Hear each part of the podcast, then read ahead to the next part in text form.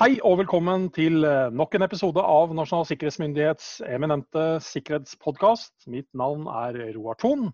Jeg sitter fortsatt på hjemmekontor, og med meg online i andre enden så har jeg med meg seniorrådgiver i NSM, Christer Tjessem. Hei, Christer.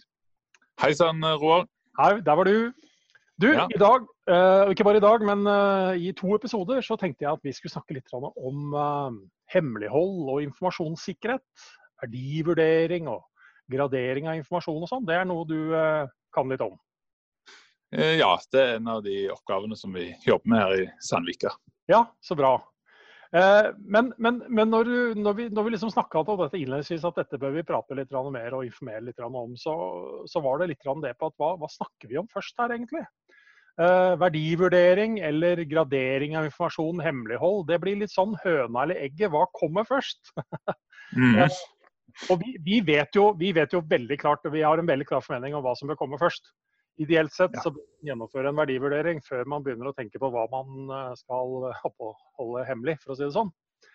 Eh, Men det er så lett å gå i den der litt sånn at det er, det er litt morsommere å snakke om hemmelighold og hemmeligheter enn det er å snakke om verdivurdering, for det høres litt sånn kjedelig ut.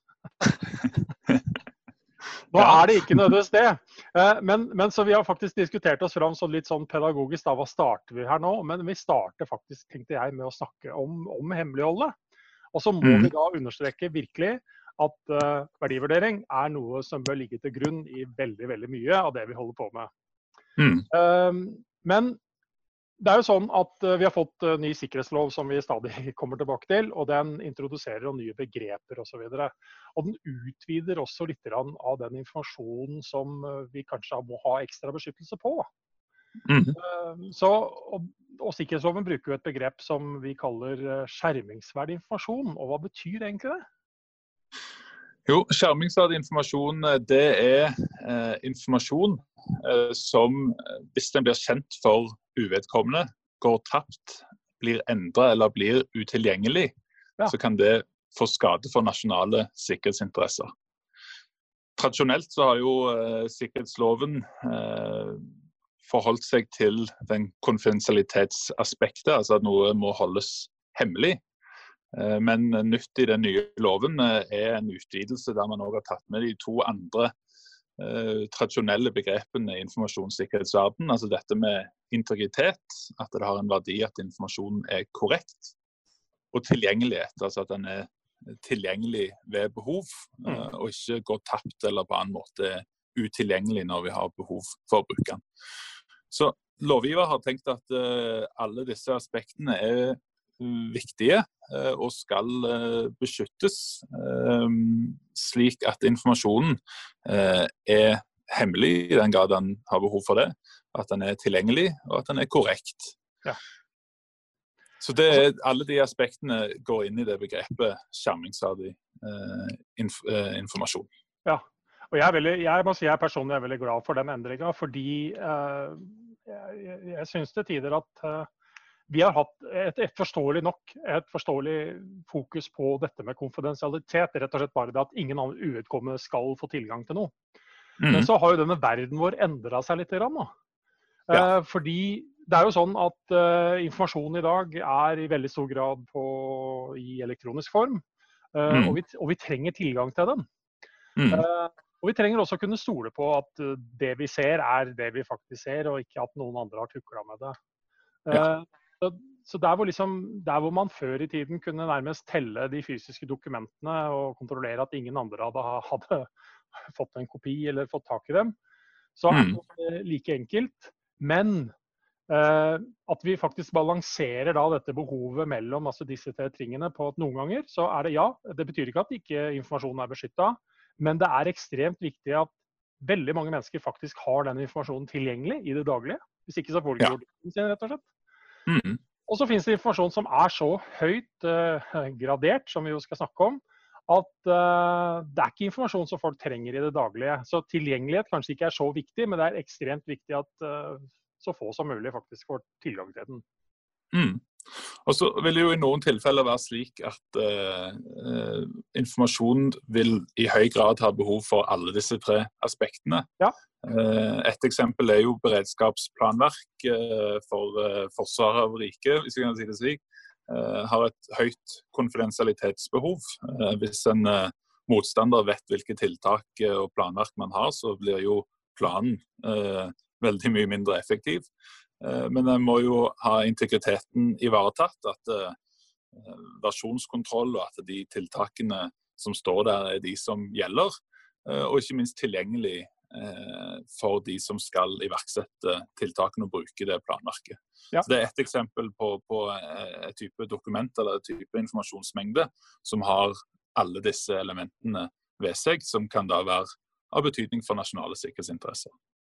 Ja, altså, Det du sier her er ekstremt viktig. fordi altså, alt disse her, alle de tre tingene er med hele tiden. Det er bare at det vektes forskjellig. Altså, ingen mm. er interessert i at integriteten brytes på noe som helst. Eh, sånn sett, altså at, rett og slett at vi kan stole på ting.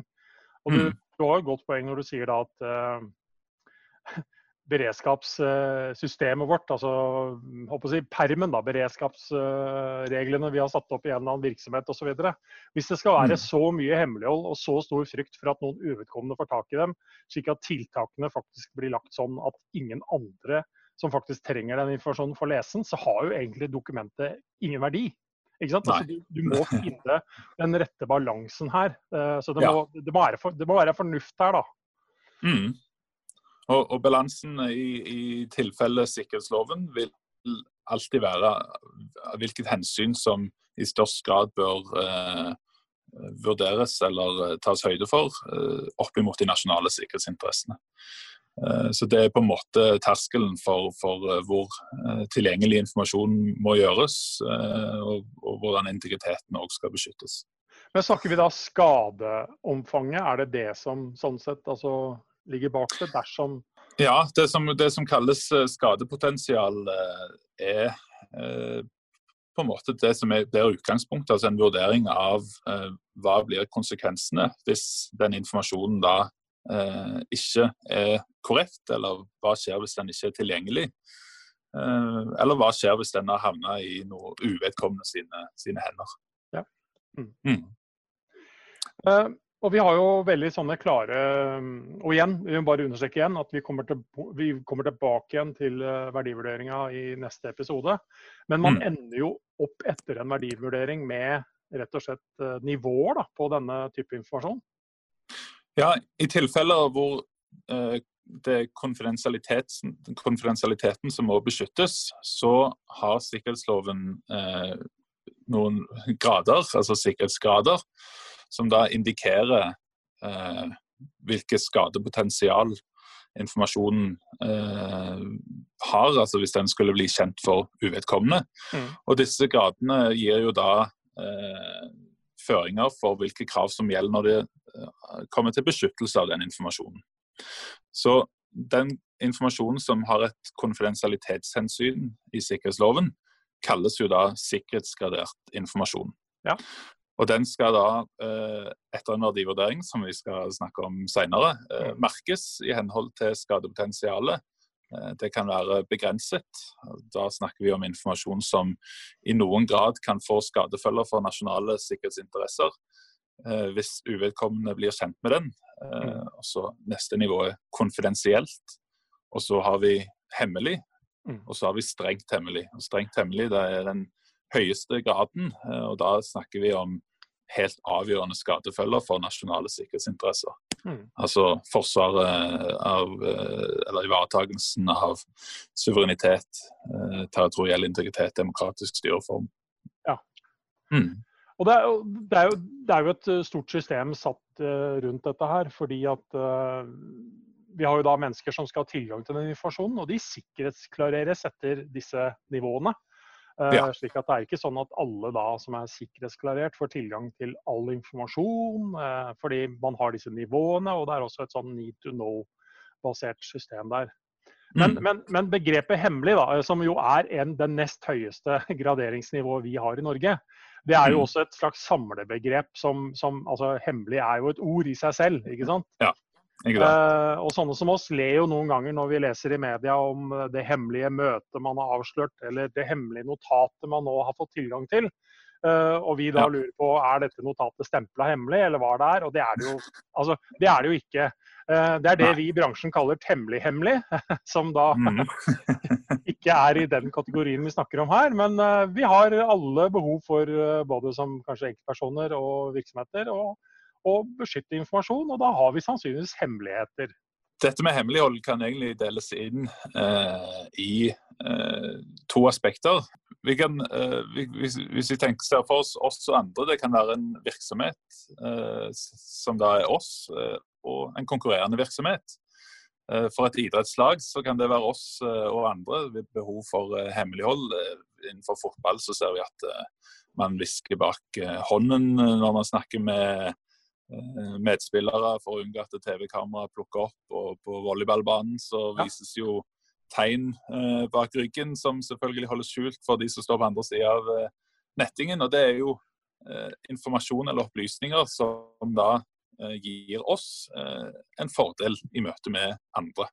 Jeg synes jo Et av de beste eksemplene på det, hvis man tenker seg om, hvis man har sett amerikansk fotball på TV, Mm. Eh, så bruker man også for det første man bruker kommunikasjonsmidler, så man har også mikrofoner osv. Og, så videre, og snakker til hverandre på banen i disse hjelmene de bruker.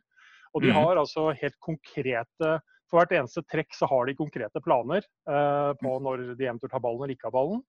Uh, og dette er altså informasjon som er særdeles viktig for dem for å lykkes med det det, det da skal være å slå det andre laget.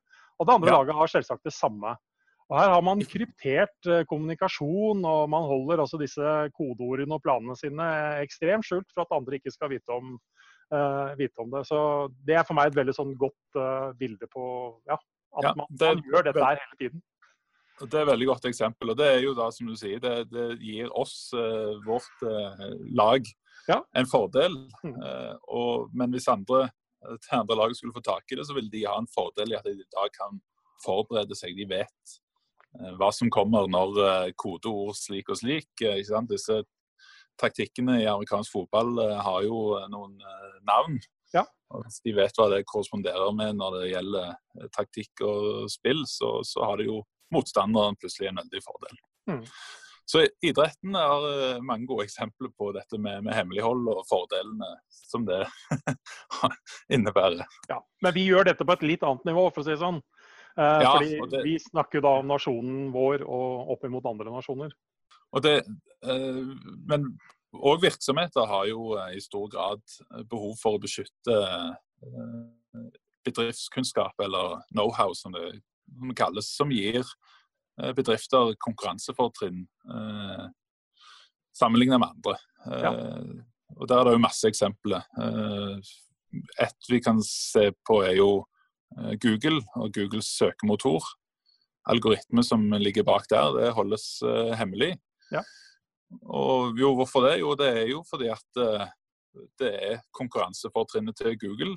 Om den, de algoritmene, algoritmene var åpent tilgjengelig, så kunne jo andre søkemotorer kopiere disse.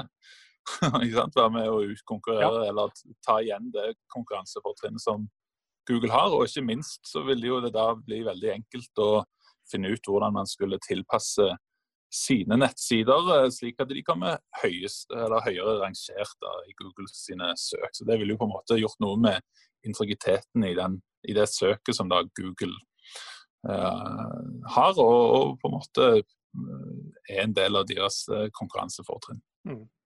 Men jeg syns jo, jo, at man, når man diskuterer sånne ting som og det gjør man jo hele tiden. Uh, offentlighetsprinsipper, uh, hemmelighold. Uh, så, så, blir en sånn debatt veldig ofte veldig svart-hvitt, ved at noen nærmest ytrer at alt skulle, alt skulle, vært åpent, alt skulle vært tilgjengelig.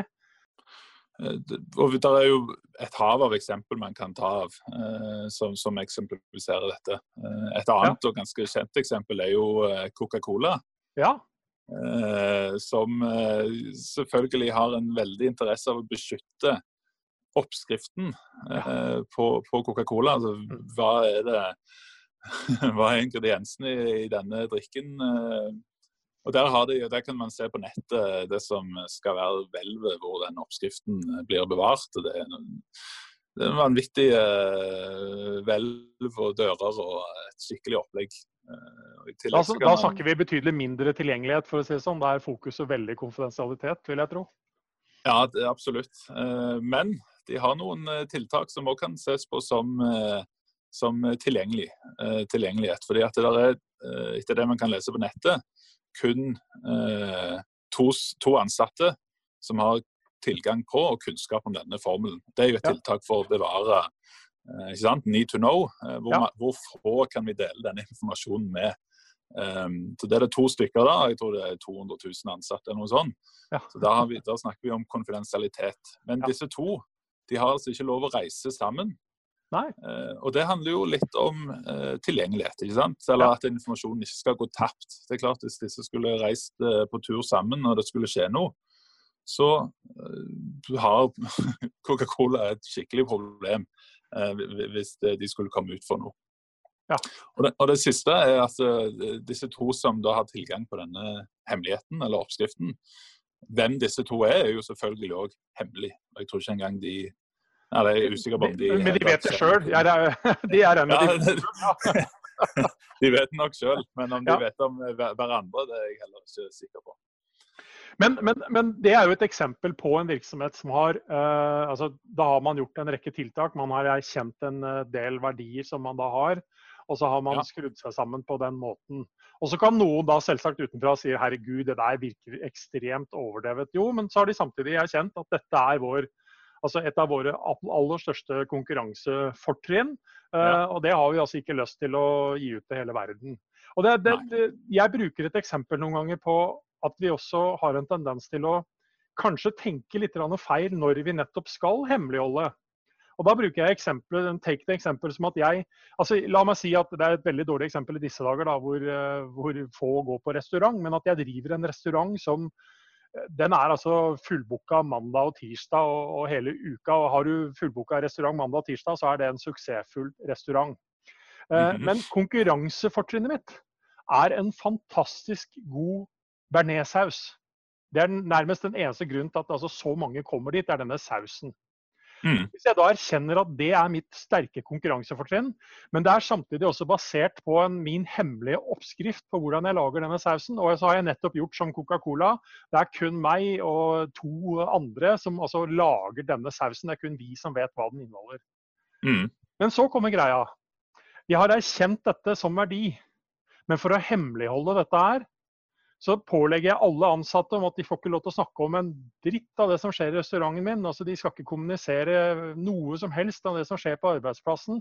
Altså, jeg legger ved så utrolig mange sikkerhetstiltak som rett og slett er helt umulig å forholde seg til. Og Man mm. vil heller ikke forstå hvorfor man egentlig trenger å gjøre det. Kontra egentlig å erkjenne som følger at det er sausen som er hemmelig. Alt annet kan vi snakke om. Eh, og sausen den ligger si, i, safen min på, på, kontoret, og det er kun uh, to andre som vet om den. Og de kommer ikke til å fortelle andre om hva den inneholder. Så, mm. så det, er, det, er, viktig altså Verdivurderingen er viktig, hemmelighold er viktig, men det er også viktig å legge riktig sikkerhetsnivå på disse tingene, basert på hva slags hemmeligheter man skal beskytte. Da. Ja. Så det du egentlig sier, Roar, er at uh verdivurdering handler om å, finne virksomhetens bearnéssaus. Ja. Yes. Jepp. Livet blir dårlig uten saus. ja, ikke sant. ja. Men eh, du har jo nevnt, eh, du har nevnt litt om uh, dette med statlig hemmelighold. Altså, kan du si noe mer rundt altså, hvordan man tenker rundt akkurat altså, behovet for det? Ja, hvis vi løfter det opp på, på, statlig nivå, eh, hvis vi kan si det slik, eh, statlig hemmelighold, ja. eh, så er jo da utgangspunktet disse hensynene til nasjonale sikkerhetsinteresser. Eh, og da er det jo litt på samme måte. Eh, oss og andre. Hva kan gi oss en fordel, og hva kan hindre en motstander i å eh, få en fordel? Da ser man jo i utgangspunktet på informasjon som kan gi staten et fortrinn i forhold til en motstander. og Det kan være informasjon om statens utenrikspolitiske forhold eller eh, andre vurderinger. Eh, det er det ene. Eller det andre er å forhindre en motstander eh, et fortrinn i forhold til staten eller nasjonen. Mm. Eh, og Da kan det være informasjon av betydning for nasjonens forsvar eller planverk osv. Ja. Og dette, er jo da, og dette gjør jo de aller, aller fleste land. og Innenfor Nato så er jo eh, disse begrepene med, med, sikkerhetsskadene sånn sett eh, felles og overførbare.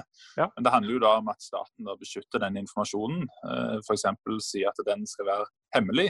Mm. Og så implementeres da et beskyttelsesregime bestående av prinsipper og tiltak, som du snakket om innledningsvis, med Ja. need to know og fysiske tiltak, sikkerhetsklarering osv. Så, Mm. så det er sånn helt overordna den, den mekanismen, hvis jeg kan kalle det slik. Staten ser behov for å beskytte informasjonen, og det er et regime som da følger basert på skadepotensial knytta til den, Mm. de opplysningene. Men da, da kommer vi til noe som jeg syns er viktig. For da blir spørsmålet hvem er staten? Eh, fordi Ja. i Sist nå nylig så, så får vi en henvendelse fra, fra media. eh, som eh, gjerne vil vite hvorfor vi har gradert noe. Mm Eh, Men så er greia det at det er ikke vi i NSM som har gradert dette her. Det er en virksomhet som har altså gradert informasjonen sin. Ja. Eh, Men vi blir på mange måter skyvd litt foran av virksomheten, eh, som har faktisk gjort vurderingen. Eh, For man Ja. har kanskje ikke helt lyst til å svare på hvorfor, denne, hvorfor er denne informasjonen helt tatt gradert. eh, eh, Ja, begrensa konfidensielt osv. Fordi vi kommer ikke bort ifra at det er to ting jeg egentlig er inne på her nå. da. Vi kommer ikke bort ifra at noen ganger, dessverre, så skjer det også overgradering. eh, Mm. Eller rett og slett eh, gradering nærmest for å skjule at man er litt flau overfor ting man kanskje kunne ha gjort på en annen måte osv. Og, så og det er ikke noe vi er veldig glad for. For det vanner ut, vanner ut dette prinsippet i seg selv. Det skal Mm. ikke være, man skal ikke gradere ting dersom det ikke faktisk er virkelig grunn til å gjøre det. Eh, men den andre tingen, som var det jeg begynte på å si i min lange tirade nå, det var jo da at det er jo virksomhetene selv som eier dette her, som er nødt til å gjøre disse vurderingene. Ja, Det er helt korrekt. Det er virksomhetene som, som det står i loven, tilvirker. eh, og Det kan vel kanskje oversettes til produsere eller skrive ned, eller Ja. på en måte fremstille informasjon. Ja. eh, Som da i sikkerhetsloven har det ansvaret om å vurdere om den informasjonen eh, må beskyttes. Ja. Og det er jo flere fordeler med det. Eh, det er jo f.eks. det at eh, virksomheten eh, kanskje har best forutsetning for oss å si hvordan den informasjonen kan utnyttes av en trusselaktør til å påføre skader. Den, den virksomheten setter kanskje nærmest til å ta de Ja. gode vurderingene. Men det forutsetter jo at virksomheten og den som da vurderer, verdivurderer i virksomheten, har både kunnskap om eh, det temaet som informasjon eller opplysningene omhandler, Mm. eh, og ikke minst den prosessen da om, eh, eller, om med verdivurdering, eh, Ja. og de skrittene som det da innebærer. Ja, og det, det tar vi oss egentlig over på det som da blir episode to, for å snakke nærmere om verdivurdering. Da har vi allerede slått fast at det er altså virksomhetene selv som skal altså, gjøre de vurderingene, og også da beslutte hvilket eh, beskyttelsesnivå eller graderingsnivå de skal gi på informasjonen sin. Mm. Uh, og jeg vet ikke om vi da skal uh, gi oss der med å snakke om hemmelighold i seg selv, og fortsette videre i neste episode, jeg, Christer. Ja, jeg kan- være bare for de som eh, er veldig interessert i dette, Ja. eh, og har lyst til å lære mer, eventuelt eh, lese mer, for de syns det er spennende med hemmelighold, eller hva, det måtte være, så, Ja. eh, så er det jo slik at uh, informasjonen som blir produsert, den skal jo Den har, den har på en måte en utløpsdato. sitt hemmeligholdet har en utløpsdato. Eh, og Det er litt viktig, det er òg en viktig ting som vi skal komme tilbake litt på, eh, til i neste episode. Ja. Der, der er en, eh, Om vi ikke skal kalle det best før-dato, så, så er det jo slik at informasjon eh, og den behovet for hemmelighold det vil etter hvert ikke være eh, behov fordi at samfunnet har utvikla seg, og, eller hendelsen har inntruffet, eller planverket er oppdatert osv. Så, videre. så da er det jo bestemmelser som går på dette med avgradering. Og standardregelen der er vel 30 år. Ja. Eh, men det kan både være lenger, eh, hvis det vurderes som å ha et beskyttelsesbehov for lengre tid enn det, eller kortere. Eh, men da er jo 30 år som er, og det er ganske likt både i Norge og i flere andre land som, som vi kan sammenligne oss med. Så de som er veldig interessert, de kan gå inn på f.eks. stortinget.no. Der er det en fane under om Stortingets historie. Der man kan gå inn og lese avgraderte dokumenter som tidligere var hemmelig, altså ja. sikkerhetsgraden hemmelig, ja. fra lukka møte i Stortinget eh, og den utvida utenriks- og konstitusjonskomiteen. Der kan man lese om redegjørelser om leteaksjon etter mulige frem, fremmede ubåter i norsk farvann, og utplassering av romvåpen og antisatellittvåpen osv. Veldig mye spennende lesing der. Eh, selvfølgelig da avgradert, fordi den informasjonen ikke har eh, et skadepotensial lenger. Ja. Og så er det noen bøker eh, jeg kan nevne raskt. Det er en som heter 'The Prime Minister's Ironing Board and Other State Secrets'. Det er en britisk journalist som har gjennomgått eh, britiske offentlige arkiver og funnet dokumenter som da har blitt avgradert, eh, og har en morsom gjennomgang av de.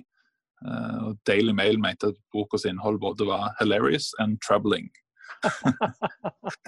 og, og, sist, så Det er flere bøker. bøker er både en som heter Declassified av en som heter Thomas B. Allen, som handler om da, tidligere høyt graderte dokument som da, nå har blitt uh, avgradert uh, som følge av denne 30-årsregelen. Og får vi se om uh, disse bøkene øker på salgsstatistikken etter at vi har nevnt det. Men, men, altså, men, det, men, det, du jo sier, er jo til syvende og sist at dette er jo høyst interessant informasjon fra alt fra historikere til statsvitere og andre som er interessert. Og det, når du nevner noen bøker nå, så kan du jo i hvert fall si som følger at det garantert er skrevet mange bøker basert på ny informasjon etter at man nettopp har passert altså de 30-årsreglene, hvor man da får historiske hendelser kanskje i et litt annet lys, fordi at man også får tilgang til den graderte delen av det som da skjedde. Ikke sant. Mm. Selv om man allerede kanskje skrev bok om det for 15 år siden, så kommer det en ny en uh, basert på en ny ja. ja. Mm. Men da fortsetter vi uh, i eh, neste episode vi, ved å snakke om uh, verdivurdering. Og så satser vi på at uh, denne podkasten ikke blir sikkerhetsgradert på noen som helst måte, sånn at den faktisk kan publiseres. Så da sier jeg Vi får gjøre det. Da sier jeg takk for praten, jeg, Christer. Jo, takk, Roar. Takk, takk. Hei.